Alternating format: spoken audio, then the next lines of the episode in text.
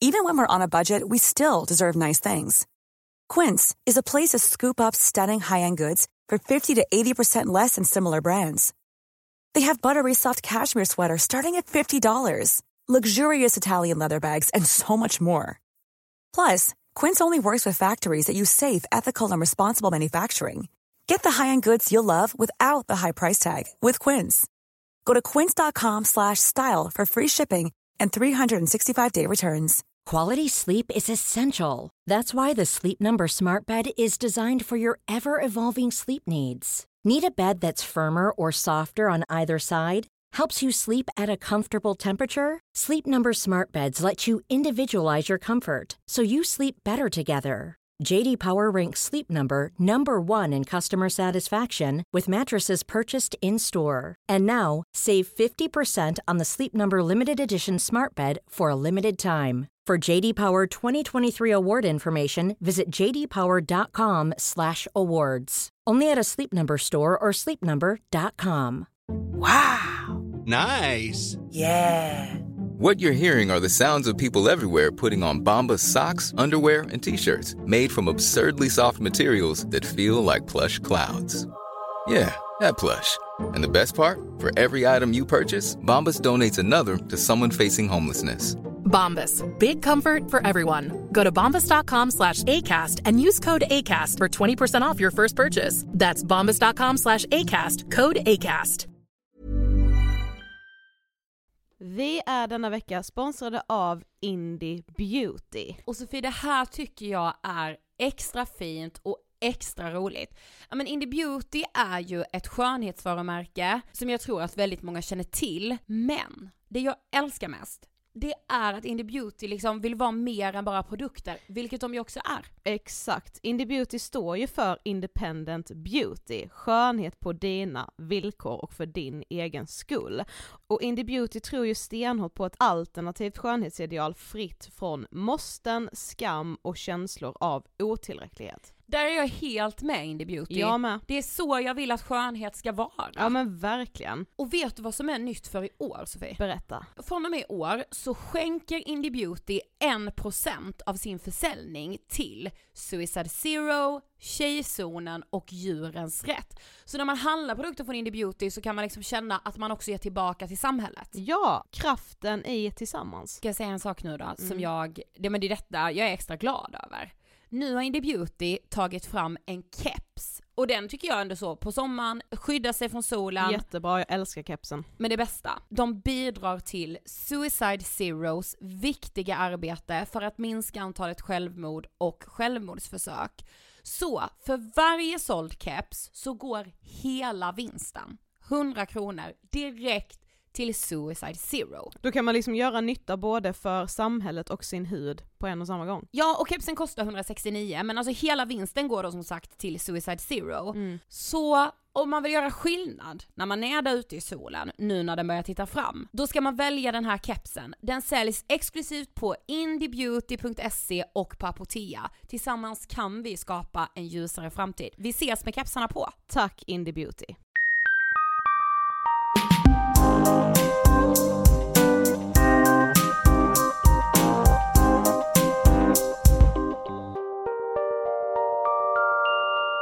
Hej allihopa och varmt välkomna till avsnitt 388 av Ångestpodden! Hej! Vi har precis varit med i Nyhetsmorgon. Ja, så man har lite så puls. Fan vad man har puls då. Ja.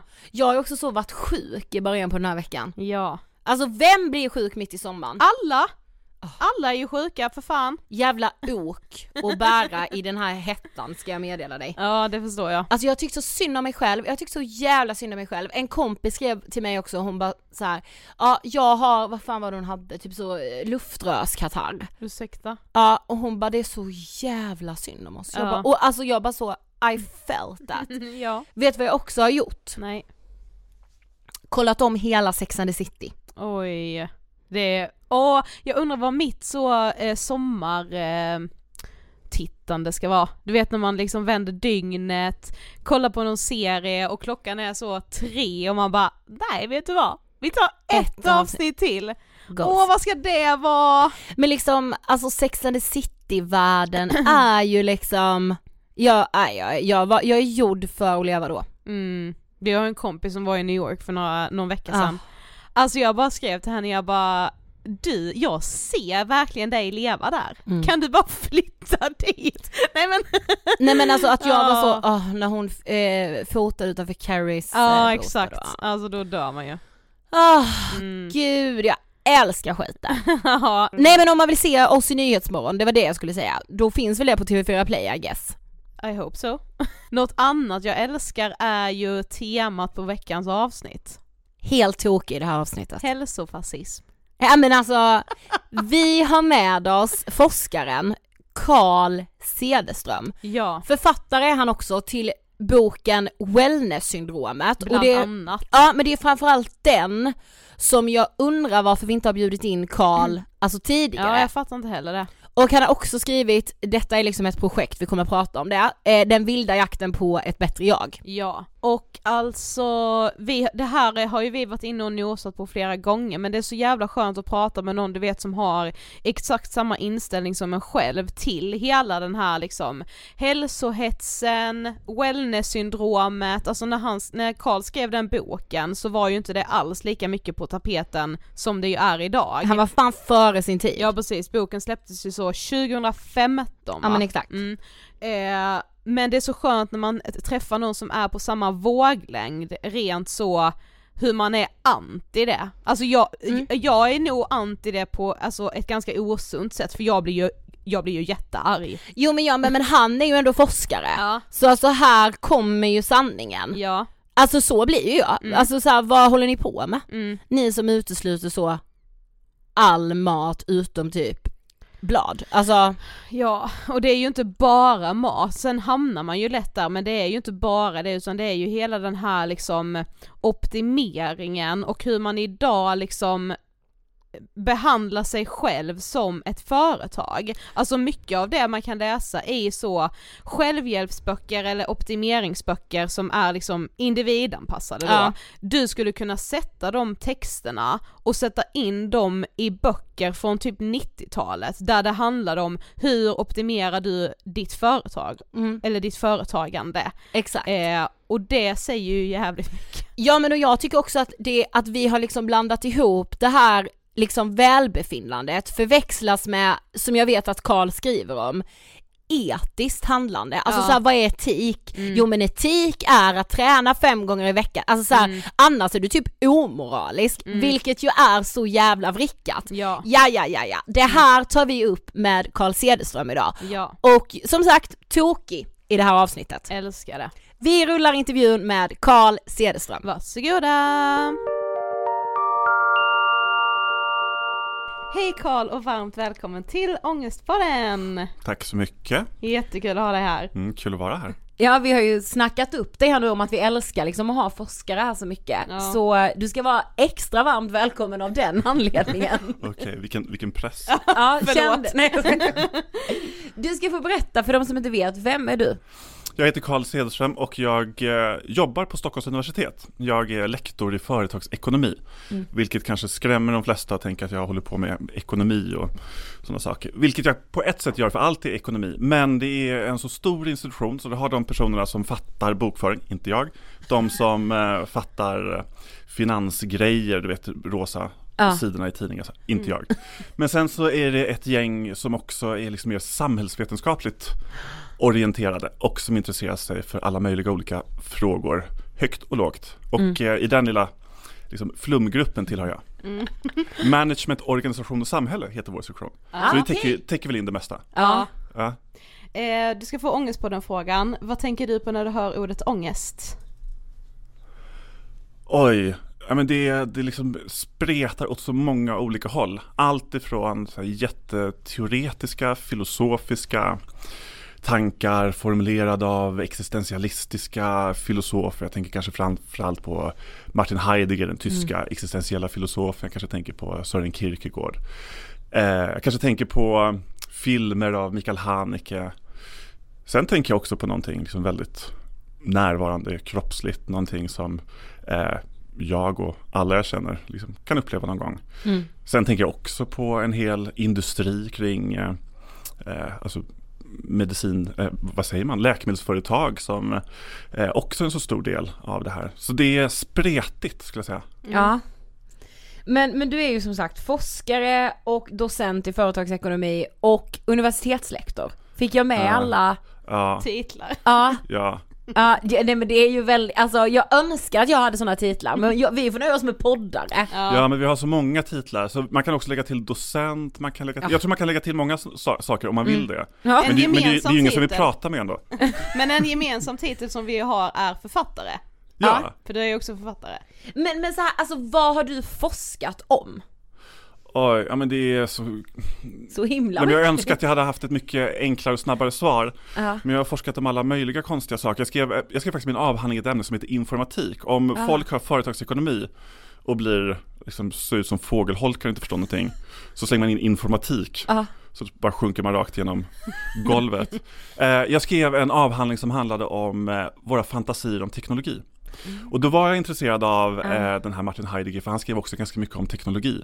Och så var jag intresserad av en fransk psykoanalytiker som heter Jacques Lacan, som eh, var en utav eh, Freuds uttolkare, ganska kontroversiell, stor framförallt på 70-talet. Och eh, hans tankar har blivit väldigt stora under 90 och 2000-talet i, inom filosofi och eh, politiska studier och sociologi och sådär. Så det är väl det som jag har varit intresserad av för länge sedan. Numera så eh, vet jag inte riktigt vad jag forskar om. Det, det är det som jag för tillfället tycker är, tycker är roligt och spännande. Ja. Kontor. ja, just det. Men redan 2015 så släppte du tillsammans med din kollega Andre Spicer boken Wellness-syndromet. Ja. Vad betyder wellness-syndromet, skulle du säga? Ja men det där ordet, det kom vi liksom på precis i slutet av boken. Så allting var klart. Och förlaget sa att ni måste hitta en lite mer catchy titel. Och då lekte vi med olika titlar, så blev det där wellness-syndromet. Aha. Sen när boken kom ut, och man, det här är ju så länge sedan som det här, det är ju 2015, snart 10 år sedan. Men då fick man ju hitta på vad det betydde, liksom nästan i efterhand. Men tanken med den boken, det var att ehm, det räcker med att liksom stå i en kassa i en butik och så ser du de här liksom magasinen som tittar på dig och liksom ger dig dåligt samvete för att du inte är tillräckligt lycklig, att du inte är tillräckligt hälsosam och eh, att hela den här wellnessrörelsen, det är klart alla vill ju må bra, alla vill ju vara hälsosamma, alla vill ju göra det de kan för att ha ett så bra liv som möjligt. Eh, men det slog mig och min kollega att eh, det liksom ingen som har riktigt liksom satt fingret på vad det är som också är irriterande eller liksom beklämmande eller ibland också sorgligt med hela den där rörelsen. Mm och att det var så himla svårt att liksom rikta någon slags kritik. Men hur kan man vara kritisk mot det självklara i att vilja vara hälsosam och lycklig? Mm. Just det. Fast jag tycker ordet är så himla himla bra. Alltså det, det, det känns ju som att ni verkligen sammanfattade det genom wellness-syndromet. Ja men jag tänker Alltså- att väldigt mycket har hänt sedan 2015 så idag tror jag att alla har någon relation till ordet wellness-syndromet nu när vi säger det så klingar det an någonting, sen kanske det inte är samma för alla men jag vet ju bara vad jag relaterar till när jag hör det ordet. Mm, och vad är det? Ångest. Ångest. Jo men det är det och eh, jag ska också säga att eh, vi var båda influerade av, jag berättade precis att eh, det var en massa filosofer som var influerade av Lacan. Och av någon anledning så bodde många i, av de här i Slovenien. Eh, och vi var liksom inspirerade av den här gruppen av filosofer. De pratade väldigt mycket om eh, alla de här valen som vi måste göra i vårt liv. Eh, en av dem där skrev en bok som heter Valfrihetens tyranni. Att eh, vi älskar ju tanken om att vi ska kunna välja allt, att vi är fria att eh, göra avgörande livsval utan att någon lägger sig i. Att vi inte lever i en diktatur där någon bestämmer de här valen. Att vi inte lever i en tid där föräldrarna liksom bestämmer vad vi ska bli eller vilken skola vi ska gå på. Utan att vi själva, eh, okej det är klart när du är ung så kanske föräldrarna fortfarande bestämmer. Men att vi har den här autonomin. Och eh, det de satte fingret på som jag tyckte var väldigt eh, liksom det som ett uppvaknande, det var hur alla de här valen också liksom slår tillbaka mot oss. Framförallt i liksom en känsla av ångest. Den ångesten du känner när du står inför, inte bara valet av vilken ost du ska köpa eller vilken mjölk du ska köpa, utan vilka livsval du ska göra. Vem ska jag välja att leva mitt liv med? Ska jag ha barn eller inte ha barn? Ska jag eh, välja att eh, liksom gå den här, liksom, den här banan i livet eller någon annan? Det finns ett så fantastiskt citat från Sören Kierkegaard där han säger ehm, Gift dig och du kommer ångra dig, gift dig inte och du kommer ångra dig. Ja Så- men det är ju så. Ja, men nej men för det sjuka är att så här, alltså som du sa, det är sju år sedan ni liksom skrev boken och den kom ut. Det, alltså kan du känna att hela det här wellness-syndromet, om vi nu använder det ordet, att det liksom har blivit mer intensivt, att det liksom genomsyrar samhället ännu mer än vad det gjorde då, för det tänker jag. Mm. Så länge sedan jag gjorde intervjuer om den här boken, det är ganska, ganska intressant, för jag fick ju den frågan hela tiden då, vad tror du om framtiden? Kommer det här på något vis klinga av? Kommer vi se att det blir en intensifiering? Det finns ingenting som har vittnat om någonting annat än just en intensifiering. Och det vi såg redan då och som boken handlar delvis om, det är hur företagen är så viktiga i att driva den här utvecklingen. Att Exakt. Företag vill att deras anställda ska vara hälsosamma och lyckliga och det låter ju jättebra. Sen så finns det ju en annan liksom, del av den storyn som är att företagen också vill spara pengar och det kan man göra bland annat genom att se till att folk är hälsosamma för att de inte ska vara så sjuka. Det låter jättebra, men det kan också vara ett sätt att eh, få ner försäkringspremier och börjar man titta på det här lite närmare så ser man ju att företag under, alltså sen boken kom ut de senaste sju åren, verkligen har investerat mycket pengar i eh, människors välmående. Och eh, ett exempel som inte fanns då, men som jag har tittat på lite närmare, inte någon djupdykning, men jag har gjort det här tillsammans med en kollega som heter Torkel Tannem, som är professor på min institution. Och han har gjort en djupare studie på företaget Björn Borg. De som tidigare var mest kända för att sälja underkläder, men nu har rebrandat sig, som man säger på svenska, eh, till att sälja sportkläder. Och de har en vd som heter Henrik Bunge och han hade tidigare jobbat på Adidas. När han började på Björn Borg så ville han få in den här liksom tränings eh, wellness-mentaliteten. Så bland annat så introducerade han en en timme eh, obligatorisk träning varje fredag, sports hour. Jag var med på den en gång och eh, det var fruktansvärt hård eh, träning. Min kollega hade ont i knät jag, ett halvår efter. Nej men, Eh, ja. Ja, jag mådde bara dåligt en dag eller två. och eh, det de får göra på det företaget, det är att eh, de, jag tror att det är två gånger per år så får de genomgå en väldigt eh, grundlig eh, wellness-undersökning. Och det man får fram då, bland annat, det är hur gammal man är, alltså i kroppen. Och det här har de i sin årsredovisning, så då redovisar de både genomsnittsåldern på alla som jobbar där och sen redovisar de också den här genomsnittliga liksom kroppsliga åldern. Och nu kommer inte jag ihåg exakt hur det var med den här eh, vdn själv, men säg att han var 50 och eh, hade en kropp som en 38-åring. Ja. där. Och eh, det är ju jättevanligt i företag att man sätter mål. Vad är det man ska, vad är det som jag ska lyckas med eh, under det här året? Och det gör de där också, men de sätter också alltså, fysiska, eh, alltså träningsrelaterade mål. Och eh, det kan vara allt ifrån eh, att man ska springa ett maraton, men det kan också vara sådana saker som en, en kille där hade som mål att få synliga magmuskler. Så han eh, hade liksom kommit in en dag och slitit av sig tröjan och visat att han hade nått sitt, sitt mål. Ja. Och eh, jag tror att många av de som jobbar där älskar det. Men det som händer, det är ju också att de som inte älskar det försvinner. Så det man ser på många av den här typen av företag som har en väldigt utpräglad hälsoprofil, jag vet inte om hälsa är rätt ord egentligen, men Nej. wellnessprofil. Ja, de eh, skapar ju också, eller odlar ju fram en viss typ av anställda och de som inte passar in i det slutar ju. Så man ser ju ofta en liksom, väldigt stor personalomsättning i alla fall till en början Exakt. när en, den typen av person.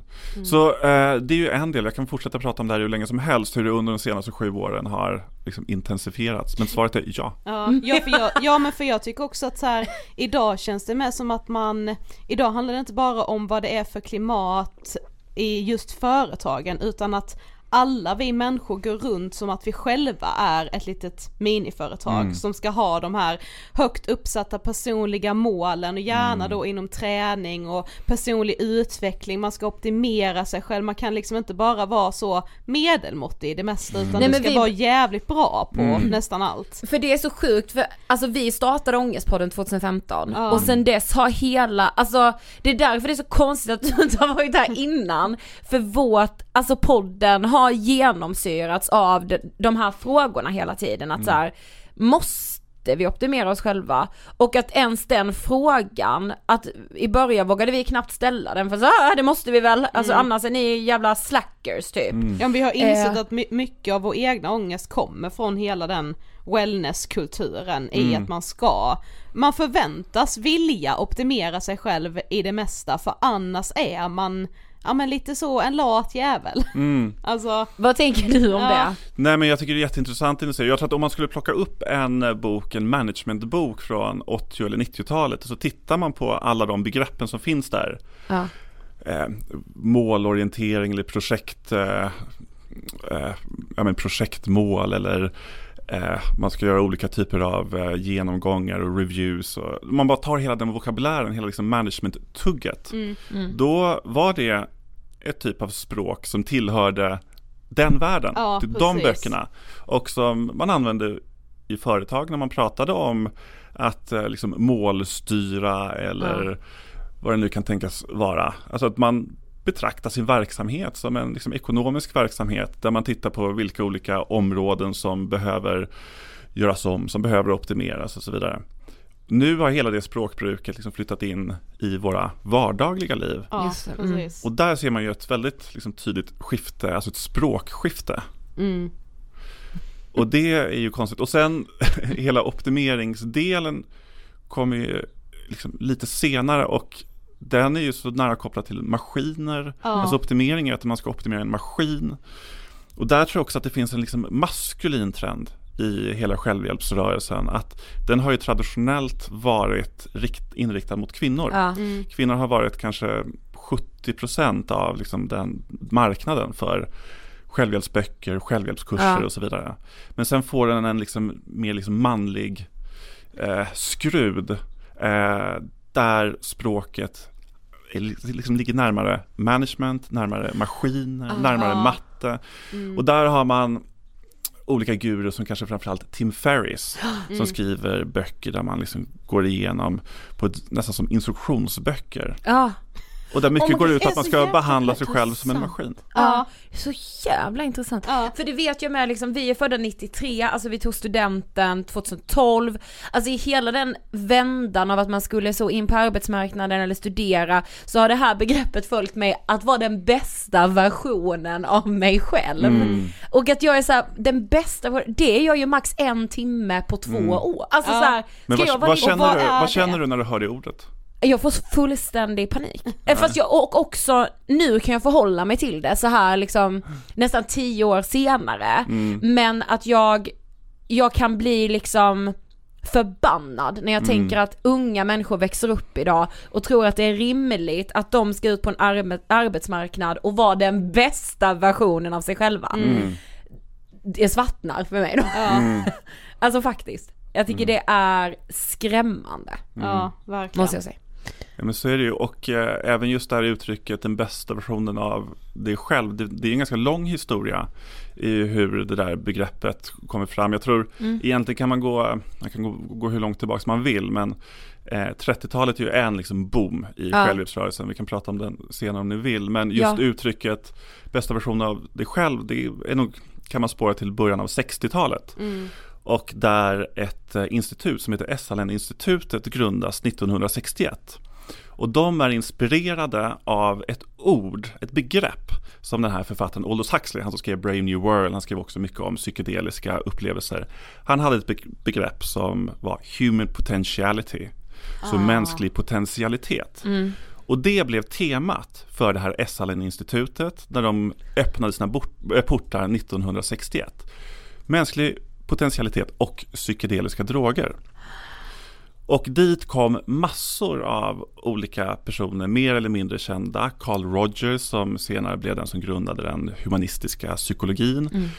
Abraham Maslow som alla stackars studenter på företagsekonomi tvingas läsa om men utan att veta att det faktiskt var på det här stället som han eh, liksom hade sitt sammanhang. Och de eh, och några andra blev det man kallade för Human Potential-rörelsen. Och eh, det här blev jättestarkt på 60-talet och eh, det ordet eller det begreppet eller det uttrycket som är så viktigt där det är to realize your potential eller to realize your untapped potential. Mm. Och det där lever kvar idag och eh, när Trump vann valet så i hans liksom, segertal så säger han att jag har levt hela mitt liv med att vilja frambringa den amerikanska drömmen mm. och to realize the untapped potential. Ah. Så därifrån kommer hela den här eh, idén om att man också ska vara den bästa versionen av sig själv, att det finns en potential i det som, mm. som ska fram. Mm. Och sen har det funnits enormt många metoder, väldigt många knäppa, för att eh, liksom framavla Exakt. den där bästa versionen av dig själv. Ja. ja. men idag känns det också som att vi lever i ett samhälle där liksom coacherna har, har samma status som psykologer i princip. Mm. Och i eh, wellness-syndromet så skriver ni en del om, om just de här coacherna. Mm. Hur ser du på dem? Nej men jag tror att man kan verkligen studera samhället och samhällsutvecklingen genom coacher och mm. eh, coacher som lyssnar på det här. Jag säker på att ni är helt underbara, så mm. vi pratar inte om er personligen. Nej. Känner er inte uthängda. Men om man bara tittar på det mer som en trend och eh, man kan börja med var, var coacher kommer ifrån. Mm. Och eh, jag träffar en del coacher och frågar, vet ni var liksom coachen kommer ifrån? Det är få som känner till det. Men jag nämnde precis det här Essalinen-institutet. Ja. Och eh, det startade 1961 och är, så från, och det blir jättestora under 60-talet, sen klingar det av lite på, på 70-talet. De får en lite ny inriktning, de börjar inrikta sig mer mot företag faktiskt. Att det är Aha. folk som skickar dit anställda. Ja. Men samtidigt startar det ett annat eh, sånt här centrum, eller en annan ny typ av teknik som kallas för The Earhard Seminar Training och då är det en man som heter Werner Erhard. Han hade en bakgrund i scientologin. Mm. Han hade också eh, sålt, eh, alltså varit dörrförsäljare, sålt eh, encyklopedier. Mm. Sen eh, lämnade han sin familj, eh, skaffade ett nytt namn och eh, startade den här nya, det man kallar för eh, helgträning. Alltså så att då kom folk dit på en fredag och så var de där i tre dagar. De hyrde stora hotell och så var de i liksom stora liksom, konferenslokaler. Uh. Och det gick ut på att de här personerna skulle brytas ner och eh, ofta så låg de på golvet och de liksom skulle skrika ut sina frustrationer och de skulle liksom dela saker som de varit med om som var väldigt jobbiga. Tekniker som låg ganska nära scientologin. Ja, precis. Och eh, sen mot slutet av, liksom, vad blir det, tredje eller fjärde dagen så eh, ska de då liksom bli hela personer igen. Och det det går ut på det är att man ska inse att det inte finns några offer. Man ska inte någonsin tro att det finns eh, någon, någon eller något att skylla på. Men det som är intressant det är att det här växer fram under 70-talet när USA mår så fruktansvärt bra ekonomiskt. Ja. Det är en ny blomstrande medelklass som plötsligt har ekonomiska resurser som de inte haft tidigare. Och väldigt mycket av de pengarna och den tiden de har lägger de på att utveckla sig själva. Och man har kallat 70-talet i USA för the me decade. Ja, alltså det, det jag-centrerade mm. decenniet. Mm. Och eh, den här eh, den här EST-programmet, alltså den här eh, eh veckoslutslånga kursen som man hade. Den eh, från 1971 till 1984 så var det tror 700 000 amerikaner som gick den. Sen så fick det ett abrupt slut när den här Werner Erhard blev anklagad för eh, det var eh, tror jag, incest och sexuella anklagelser mm. mot dottern och då så bytte det namn till något som heter Forum. Mm. Och därefter bytte det namn till Landmark. Och det finns fortfarande kvar idag. Mm. Och det som är intressant är att eh, det finns också vissa företag som är liksom nära liksom knutna till det här. Jag vet inte om ni känner till ett företag som lite, nu uttalar, uttalar det säkert fel, Lululemon. Lululemon. Ja, Lululemon, ja, ja exakt, träningskläder då. Mm. Ja, och jag tror att de är nischade på yogakläder. Ja, ja, exakt. Men de har haft en väldigt nära koppling till det här Landmark och skickat sina anställda dit. Så de, de här liksom, idéerna som föds på 60-talet på Esalen-institutet och får en liksom lite mer hårdför, en lite mer brutal eh, liksom form under 70-talet har liksom eh, levt kvar till våra dagar och ja, används ja. fortfarande. Så även om många av de här sakerna känns som att det är så mycket nu, så mycket i vår samtid, precis. så finns det också ofta en ganska lång historia bakom ja, de här. precis, det har funnits Alltså det är mer. så intressant. Ja. Men ni vet, alltså det som vi också upplever mycket liksom i jobbet med Ångestpodden är att idag är liksom så den gängse bilden av en coach är att det är ungefär samma sak som en psykolog. Mm. Och där har vi ju tappat någonting i att så här, Fast om du har en bipolär sjukdom, eller ja det var ett dåligt exempel för då behöver man ju träffa en psykiater men, men om du har en depression, mm. då behöver du ju förmodligen träffa en psykolog. Mm. Alltså här, ja någon kanske blir hjälpt av en coach, men man, alltså det här likställandet mm. mellan coach, psykolog, mm. ah det är ungefär samma, nej mm. det är ju inte det. Precis, och nu glömde jag ju säga att det var ju på est som man brukar ja. säga att coachen föddes. Mm. Eh, och man kan ju också säga att det finns ett väldigt liberalt förhållningssätt till vetenskaper. Mm. Eh, eller vetenskapen när det kommer till de här eh, olika träningsformerna eller eh, personliga utvecklingsteknikerna. Mm. Men så är det, jag menar, eh, coacherna har haft en väldigt, väldigt viktig roll. Eh, om ni minns för många år sedan när Moderaterna införde det här fas 3 Eh, Sven-Otto Littorin var en av arkitekterna bakom det. Tanken var ju att eh, personer skulle liksom arbetsträna och kunna komma tillbaka till arbetslivet. Men ja. det som också kom fram var att det var enorma summor som eh, man spenderade på coacher. Ja. Som skulle hjälpa de här personerna som då var långtidsarbetslösa. Och Roland Paulsen har skrivit en fantastisk bok som heter Vi bara lyder som handlar om Arbetsförmedlingen. Där han beskriver en så kallad skrytrunda. Och då får långtidsarbetslösa personer sitta i någon liten källarlokal och tvingas liksom skryta om saker som de är särskilt stolta över. Och eh, den beskrivningen, den gestaltningen av de här personerna som sitter där och ska försöka säga hur bra de är, är bland det sorgligaste jag läst i hela mitt liv. Åh mm. oh, gud. Shit. Och eh, det finns, ah, finns, flera studier som har gjorts eh, där man tittar på hur coacher har jobbat framförallt med arbetslösa. Det finns en annan amerikansk ah. studie, en sociolog som eh, följde arbetslösa och såg hur de blev tränade tillbaka in i arbete när de träffade coacher. Och då fick de bland annat lära sig att man inte fick använda ordet arbetslös. Man skulle inte heller se eller läsa ny, nyheter eftersom det skulle kunna det förråda en negativ ja. attityd. Exakt. Mm. Det hör det man ju ibland. Det ja. hör man ganska ofta. Det är typ ett sånt, om jag får kalla det instagramtips. För ja. att inte förstöra din energi, ja. kolla inte nyheter. Nej jag kollar mm. inte nyheterna för jag får så negativa känslor då liksom. Just det. Mm. Man, man, ja. ja. Men det, det är liksom... Och sen liksom- finns det ett, ett, annat extremt exempel, en amerikansk högerpolitiker. Um, som, uh, det, här, det här var precis då när den här boken kom ut, då hade han gett som förslag att alla fattiga i USA Eh, Eh, för att eh, de, för att hjälpa dem ur fattigdom så hade han som förslag att alla skulle få träffa en personlig coach för att eh, arbeta fram en så kallad möjlighetsplan. Ja.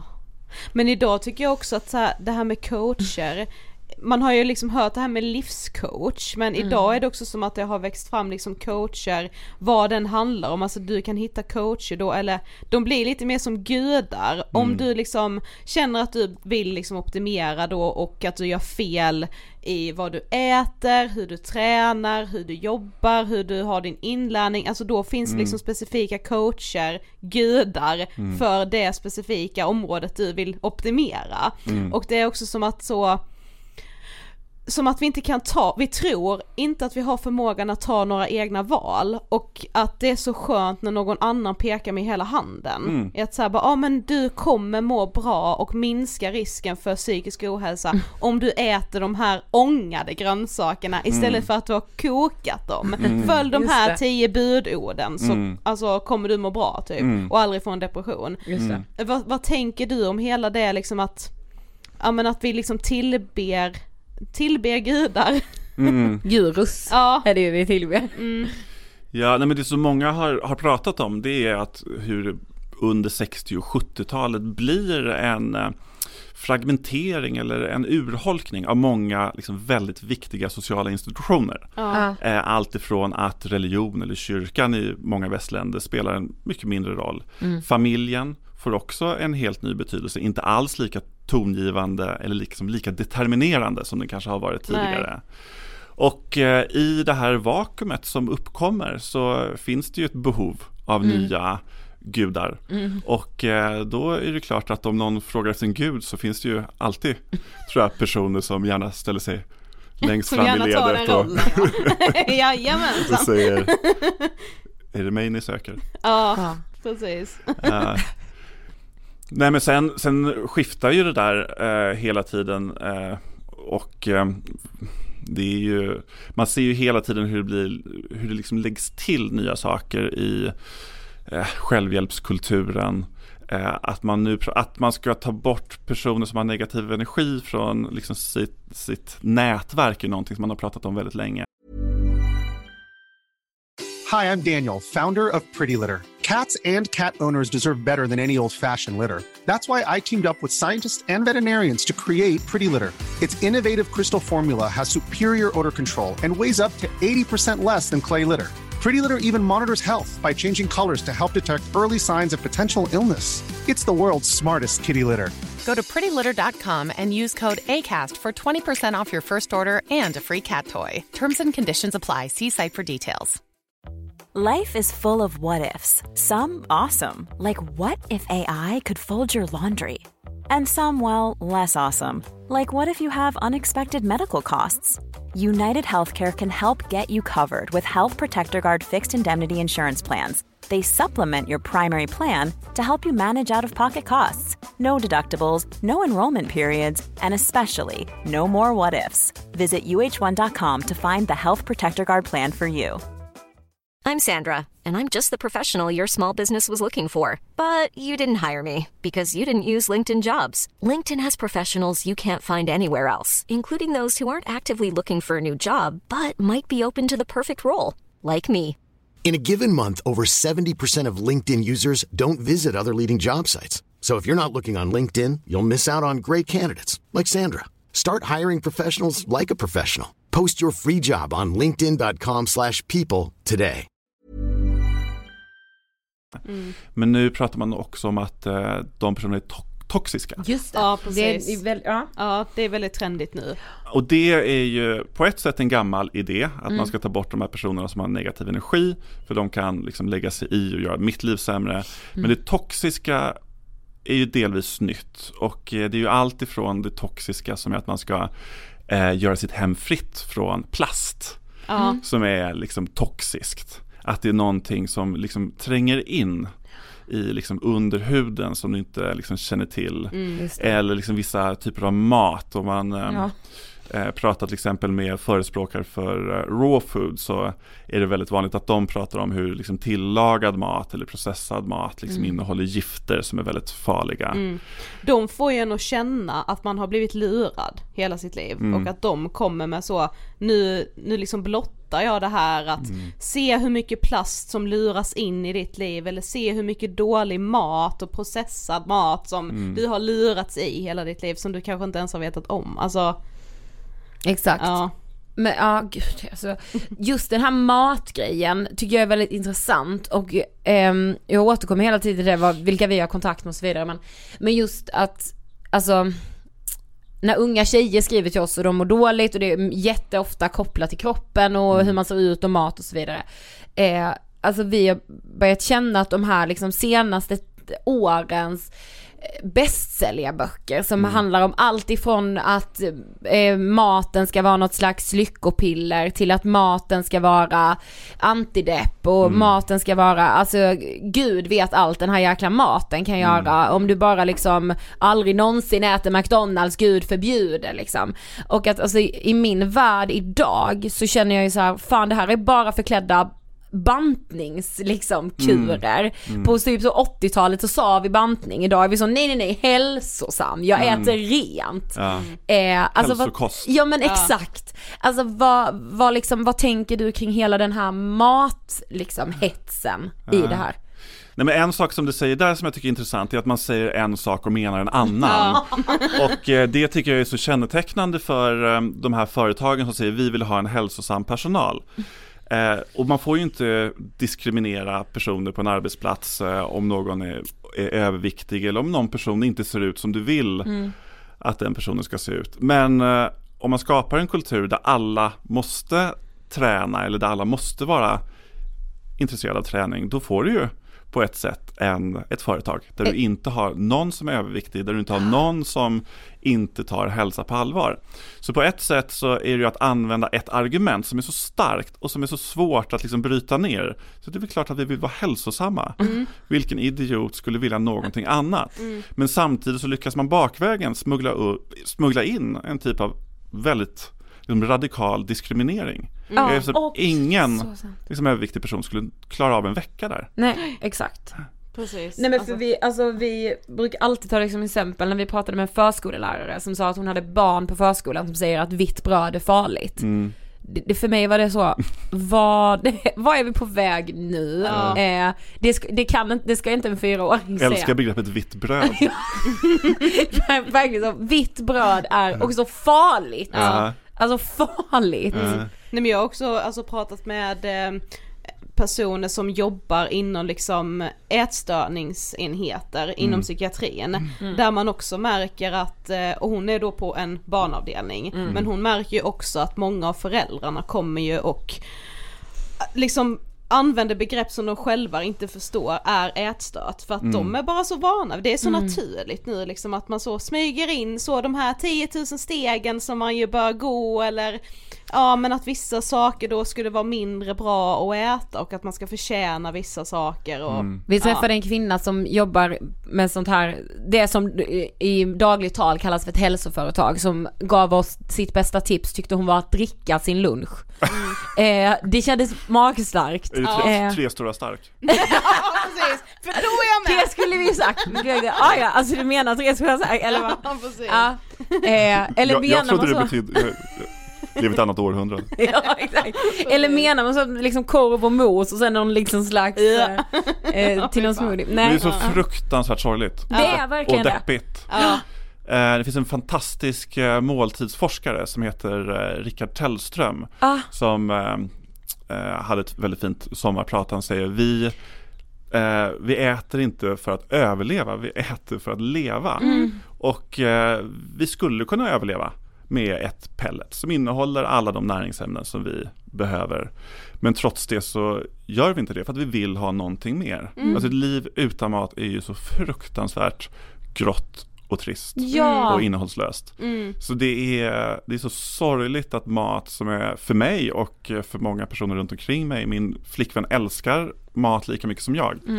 Och det, jag skulle inte säga att det är det viktigaste i vår relation, men det är ju också en så himla liksom, skön liksom, plattform, fundament, liksom, Ja, någonting det är att stå en på och någonting att, liksom. att dela. Ja. Och eh, att eh, liksom introducera begrepp som att dricka lunch eller alla de här gifterna, det var någon kokbok som jag såg så är det en sån här svart sida som har lagt ut socker och eh, liksom sockret då bildar en dödskalle. Ja, alltså. Achtung och eh, det, och så, var, var, varför, varför gör ni det där? Ja, alltså. Och att vi också så har tid att prata om, det här är mitt värsta ord, tarmflora. Ja, Ja, det är nog nästan svenskans fulaste ord. Ja, ja. visst det är det det. Jag tror att grisfitta blev framröstat till Sveriges fulaste ord en gång i tiden. Men jag tycker tarmflora är up there. Ja, Ja, det är det verkligen. verkligen på den nivån. Men du har ju även skrivit boken Den vilda jakten på ett bättre jag, där du och eh, Andre då blev era egna försökskaniner skulle man kunna säga. Ja. Berätta. Nej, men när den här boken kom ut och eh, vi var ju redan från början väldigt skeptiska till dem. Går det att framföra någon slags kritik mot det här? Och eh, svaret blev ju delvis nej. Därför folk svarade ofta ganska defensivt, ja men vad vet ni själva om det här, vad har ni provat? Mm. Vad vet du om din egen tarmflora? har du provat att dricka lunch? Ja, precis. Och då stod vi där, snopna. Ja, nej det har vi Och så faktiskt vi har inte. provat så mycket. Vi har inte provat någonting. Så då tänkte vi, ja men då får vi göra det. Vi tar ett år. Och eh, så tar vi en månad i taget. Och för varje månad så ska vi optimera ett nytt område. Och då började vi titta på självhjälpslitteraturen. Alltså man bara, bara gå in i en bokhandel och se vad är det för olika liksom, grupperingar, vad är det för olika områden som man som människa idag ska bli bättre på. Mm. Kroppen är ju såklart en given. Eh, så den eh, och eh, produktivitet, att man ska bli Ja. mer produktiv. Så januari fick bli produktivitet, vi skulle vara så produktiva som möjligt. Eh, februari blev kroppen. Och sen hjärnan. Så fortsatte det sådär liksom hela, hela året och det var först i december som eh, vi hade frågan varför. Därför om man tänker på hur eh, självhjälpsböcker är formulerade eller betitlade så är det ju aldrig varför du ska gå ner i vikt eller varför du ska bli mer produktiv utan det är alltid hur. Mm. Eh, och som ni sa innan så får man det här liksom protokollet som man följer. Och så mår man lite bättre ett tag när man har följt det och sen misslyckas man så mår man sämre och så hittar man en ny bok och så följer man det. Mm. Så vi hade som premiss att varje månad vända oss till alla självutnämnda experter inom vilket område det nu må vara. Fråga vad ska jag göra för att bli mer produktiv eller vad ska jag göra för att få en bättre kropp? Vi hade en månad kring fåfänga, så vad ska, vad ska jag göra för att bli liksom snyggare? Så vänder man sig till experter och eh, så följde vi de råden som de gav oss, högt som lågt.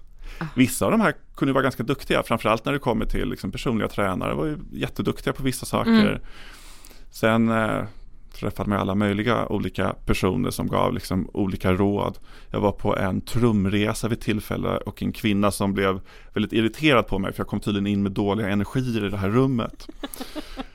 Och när jag skulle göra det här så hade inte jag ätit på sex dagar. Det här var liksom en del av den andliga månaden, jag skulle optimera andlighet.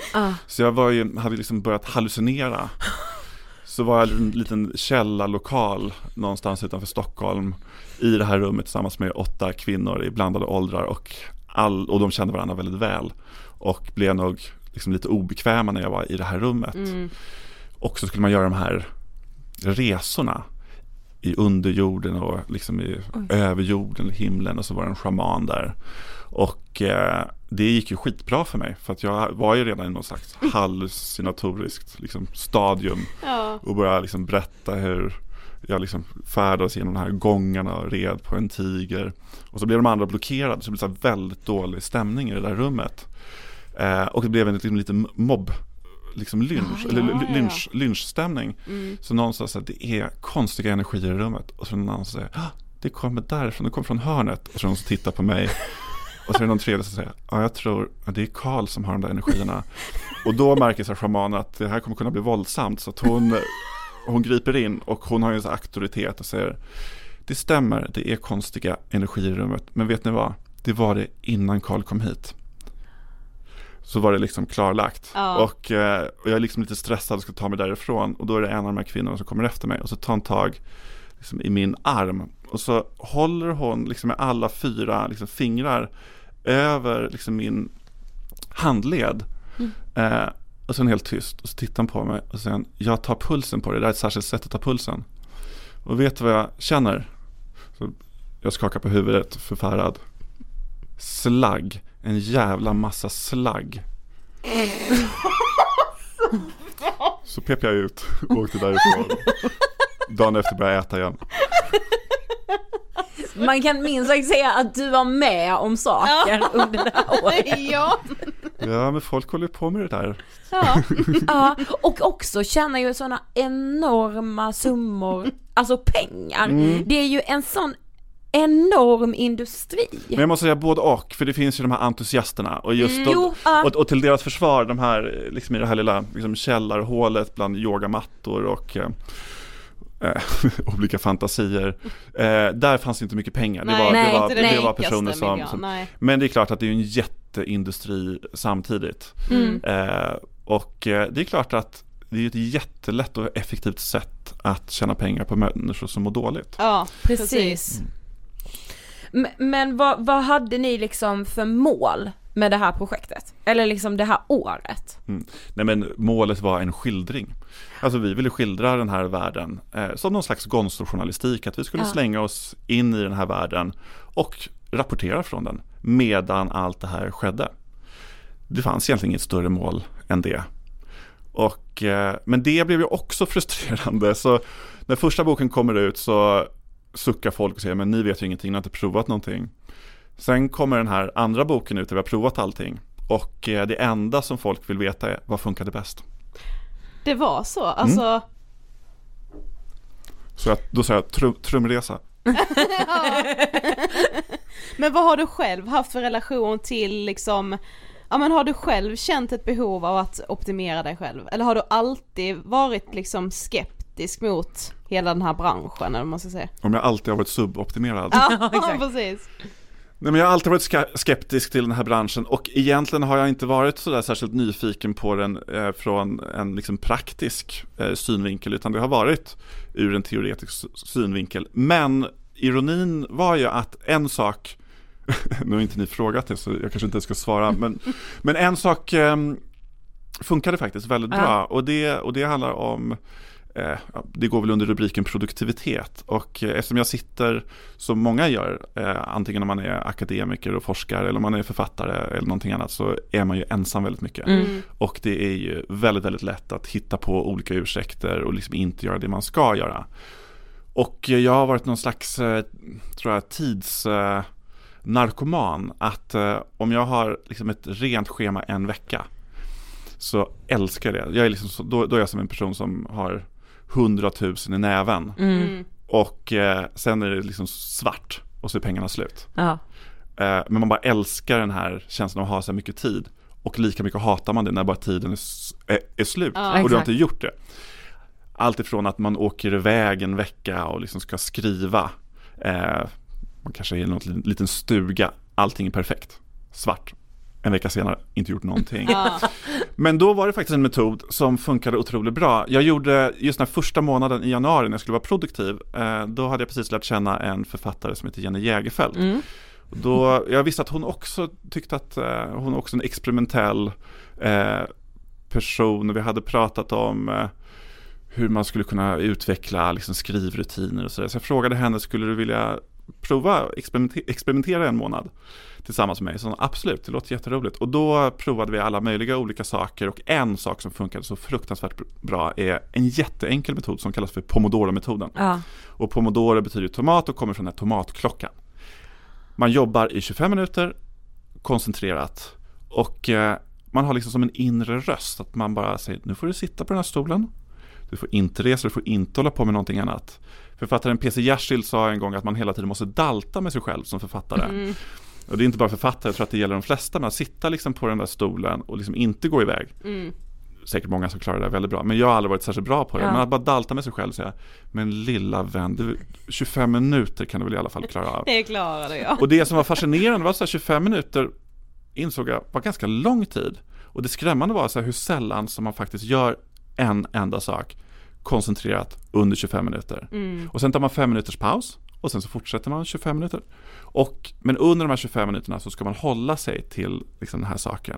Och det funkar extra bra tycker jag när man, gör, när man är två personer så att man liksom kan låna ut sitt överjag till den andra personen. Ja. Så om någon liksom börjar fumla liksom efter en telefon så harklar man sig. Ja. Liksom strängt med lite mot den andra. Ja. Eh, så vi håller liksom koll på varandra på det där sättet. Och det har faktiskt eh, revolutionerat skulle jag säga mitt arbetsliv. Och det skapar också en mycket tydligare gräns mellan det man ska göra, alltså arbete och det man inte ska göra, det, alltså, eh, det som inte är arbete. Och det är Mm. ganska skönt att ha de gränserna, för det är någonting som jag tror att är förbaskat svårt att liksom hålla, liksom, att hålla de där gränserna idag eftersom vi hela tiden uppmanas att eh, vi ska liksom arbeta eller vi ska vara produktiva eller vi ska göra någonting liksom av varje vaket ögonblick. Mm. Och eh, då blir det lätt att de där gränserna flyter ut. Så det har funkat väldigt Mm. bra.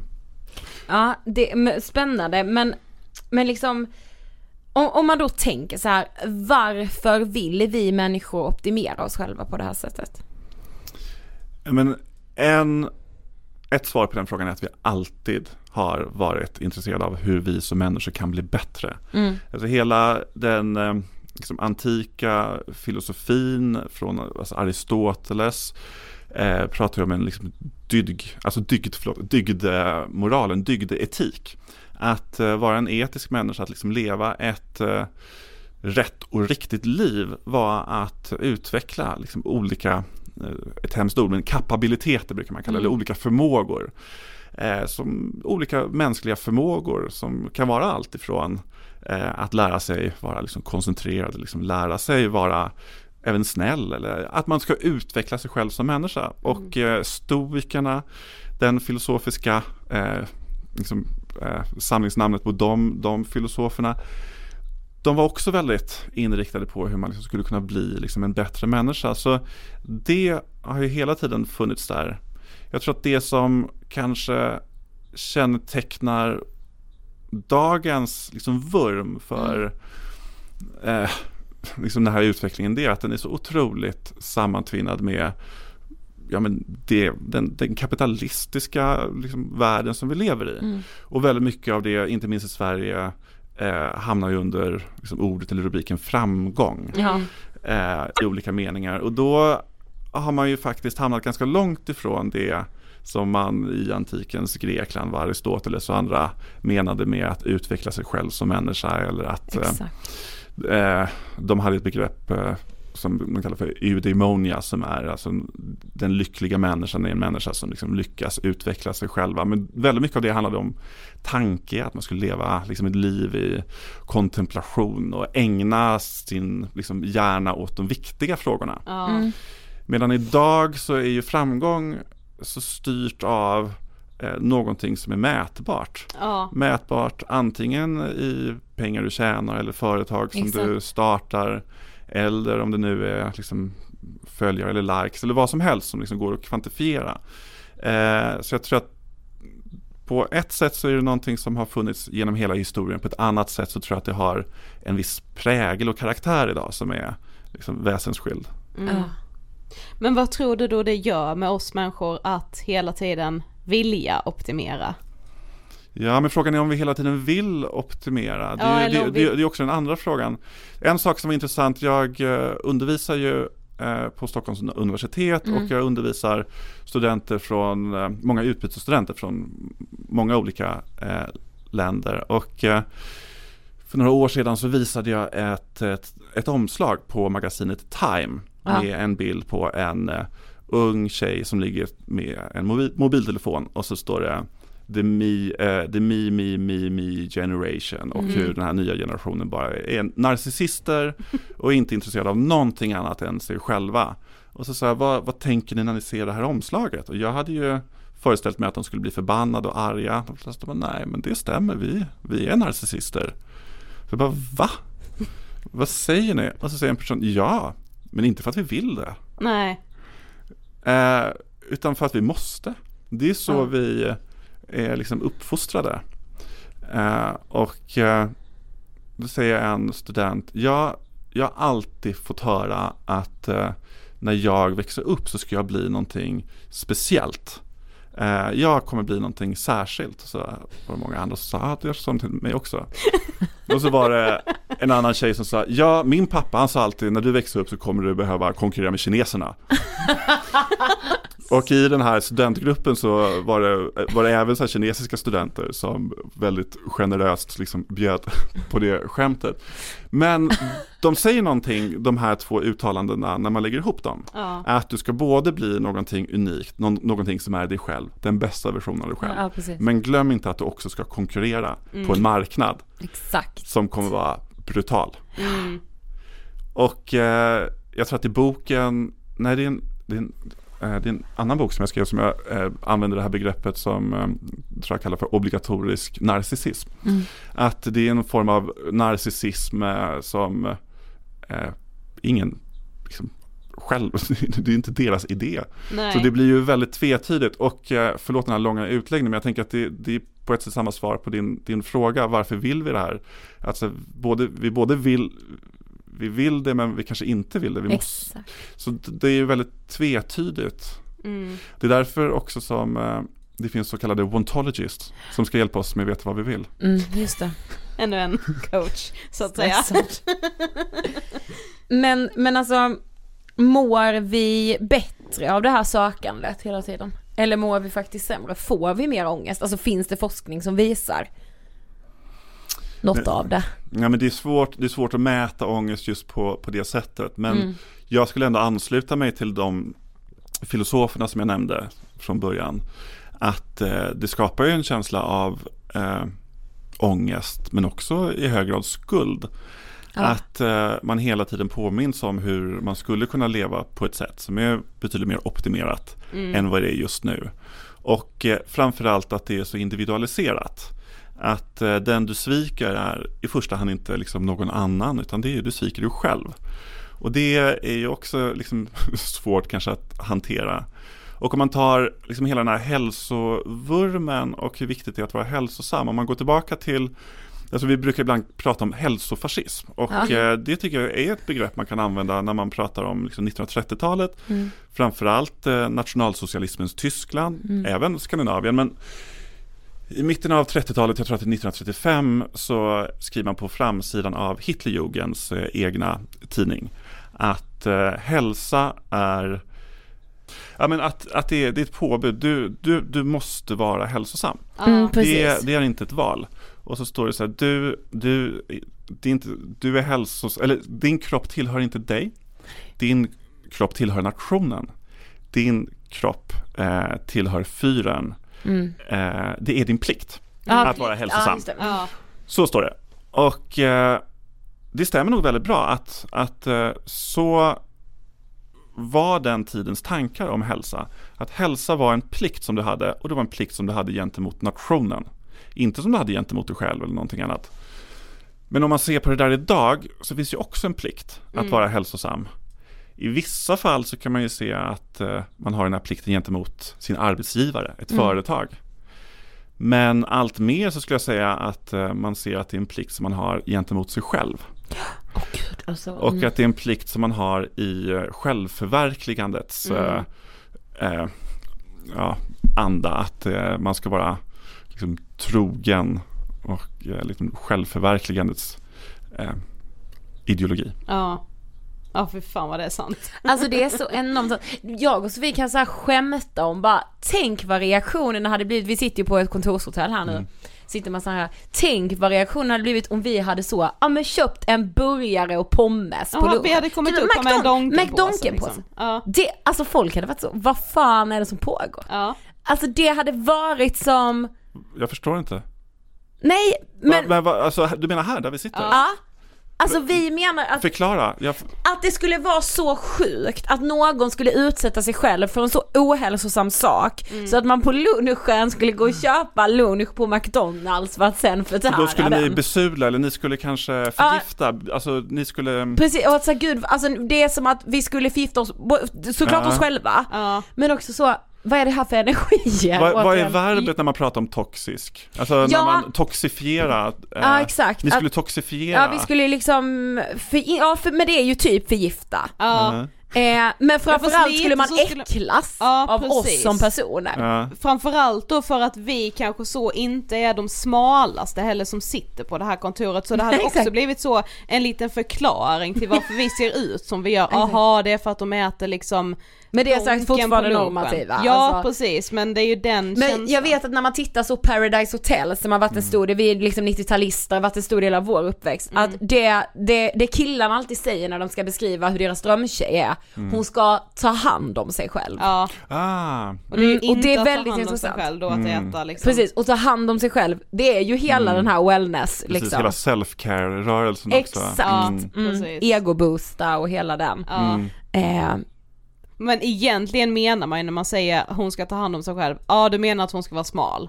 Alltså hon ska se ut på ett visst hon sätt. ska vara smal men hon får gärna ha gjort lite skönhetsingrepp. Ja, Men det ska också vara Men liksom väldigt naturligt fortfarande. Exakt, ja. man ska inte fatta att man har gjort det. Exakt. Inte, inte spilla curry majonnäs på de här heltäckningsmattorna. Nej. När man kommer in med McDonalds-påsar. Precis. Ja. Ja.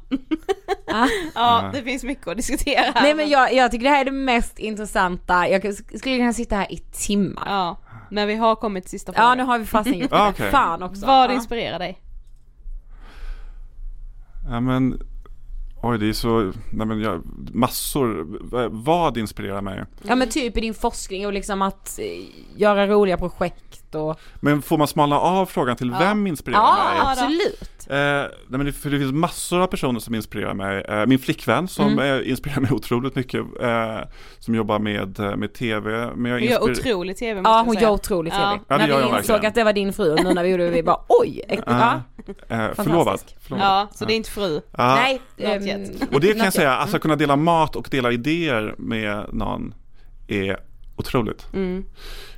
Eh, så henne inspireras jag väldigt mycket av. Men jag har, eh, jag har många människor runt omkring mig. Men okej, så här då. Jag eh, inspireras väldigt mycket av eh, amerikanska journalister som kan jobba på en story i ett år. Ja. Eh, framförallt de som skriver för magasin som New Yorker Mm. eller New York Review Books. Eh, jag skulle säga att de inspirerar mig mest. Det finns en podd som heter Longform som jag inte kände till förrän nyligen. Mm. De har 500 avsnitt som jag just nu knarkar. Ah. Och där skulle jag säga att där har jag en lista på nästan alla personer som eh, inspirerar mig. Allt ifrån en liksom, Gay Talese som nu måste närma sig 90 år. Som man ofta pratar om, eh, liksom han som gav namnet eller som upphovs eh, man eller fader som man sa på den tiden till eh, The New Journalism. Den här Ah. gestaltande journalistiken Mm. där journalistik och eh, skönlitteratur eh, liksom flyter ihop. Eh, Joan Didion som gick eh, bort nyligen är en annan sån person som är inspirerad av. Och där skulle jag säkert kunna liksom radda upp hundra personer. Men sen tror jag också eftersom jag skriver så kan jag tycka att det är ännu mer inspirerande med personer som gör någonting annat. Alltså Mm. personer som, som gör radio eller som gör tv eller som gör film. Alltså någonting som jag tittar på med liksom förundran och eh, eh, är liksom bara otroligt imponerad av att de lyckas, eh, lyckas göra det. Mm. Eh, men det är alltså då personer som jag inspireras av i, i mitt yrkesliv. Eh, vad ska man säga annars? Moder Teresa. Jag tycker det var väldigt bra svar. Ja, jag med. Alltså, och just också, jag blev väldigt inspirerad av det här samtalet måste jag säga och vi är så så så glad att du ville komma till Ångestpodden. Ja, tack Mm, så jättekul att vara jättemycket. här. Tack. Mm. Tack. Tack, tack. Ja. Nej men det här är ju, ja som sagt älskvärt. Men ska vi så köpa McDonalds i vårt kontor idag? Det var ju faktiskt helt sjukt nog en annan på det här kontoret där vi sitter som gjorde det några veckor efter att vi hade spelat in med Karl. Jag bara, Ja. Ida, Ida, vänd dig inte om nu. Men hon har fucking köpt Donken. Jävla kung. Ja, men det jag tycker, där och är vi ju återigen tillbaka i att så, det är typ omoraliskt, alltså du saknar liksom, du saknar all vett och sans, du kan inte lägga band på dig själv, du är ofräsch, alltså att vi har laddat den typen av så mat med de värdena. Ja, men också att man ju liksom inte får, alltså om man ju bara, inte bara fokuserar på maten utan mer då i hur man liksom, ja men är som person och var man lägger sitt krut någonstans och hur man lever sin, hur man lever liksom sig igenom vardagen så är det ju hela tiden den här känslan av att man får skylla sig själv om man inte liksom lyckas eller trivs med sig själv, eh, ja men att man aldrig gör tillräckligt. Karl, du ska ha det största av tack för att du ville komma till Ångestpodden, det är vi väldigt, väldigt glada för. Ja, och eh, innan vi avslutar dagens avsnitt så vill jag ju bara ännu en gång slå ett slag för vår kampanj 3 minuter i veckan. All info finns ju på 3minuter.se men vi vill ju alltså ändra skollagen och införa ett maxtak på hur många elever en skolkurator får ansvara över. Och vi har ju alltså en namninsamling som du som lyssnar på det här ska skriva under för det är lite svårt att göra en förändring om det bara är du och jag Ida som tycker det här. Exakt, Men exakt. vi är ju faktiskt nu över 8000 som skriver under på det här. Ja, och eh, vi ses i Almedalen. Eh, vi är där och håller låda på måndag. Yes. Eh, vårt schema, om man vill träffa oss eller se oss, hittar man på vår Instagram, Angestpodden. Ha det bäst så hörs vi som vanligt nästa torsdag. Det gör vi sannoliken. Hej då! Hej då!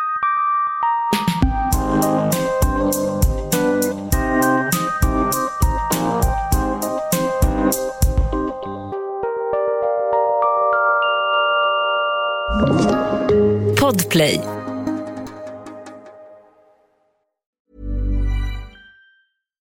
Hi, I'm Daniel, founder of Pretty Litter. Cats and cat owners deserve better than any old fashioned litter. That's why I teamed up with scientists and veterinarians to create Pretty Litter. Its innovative crystal formula has superior odor control and weighs up to 80% less than clay litter.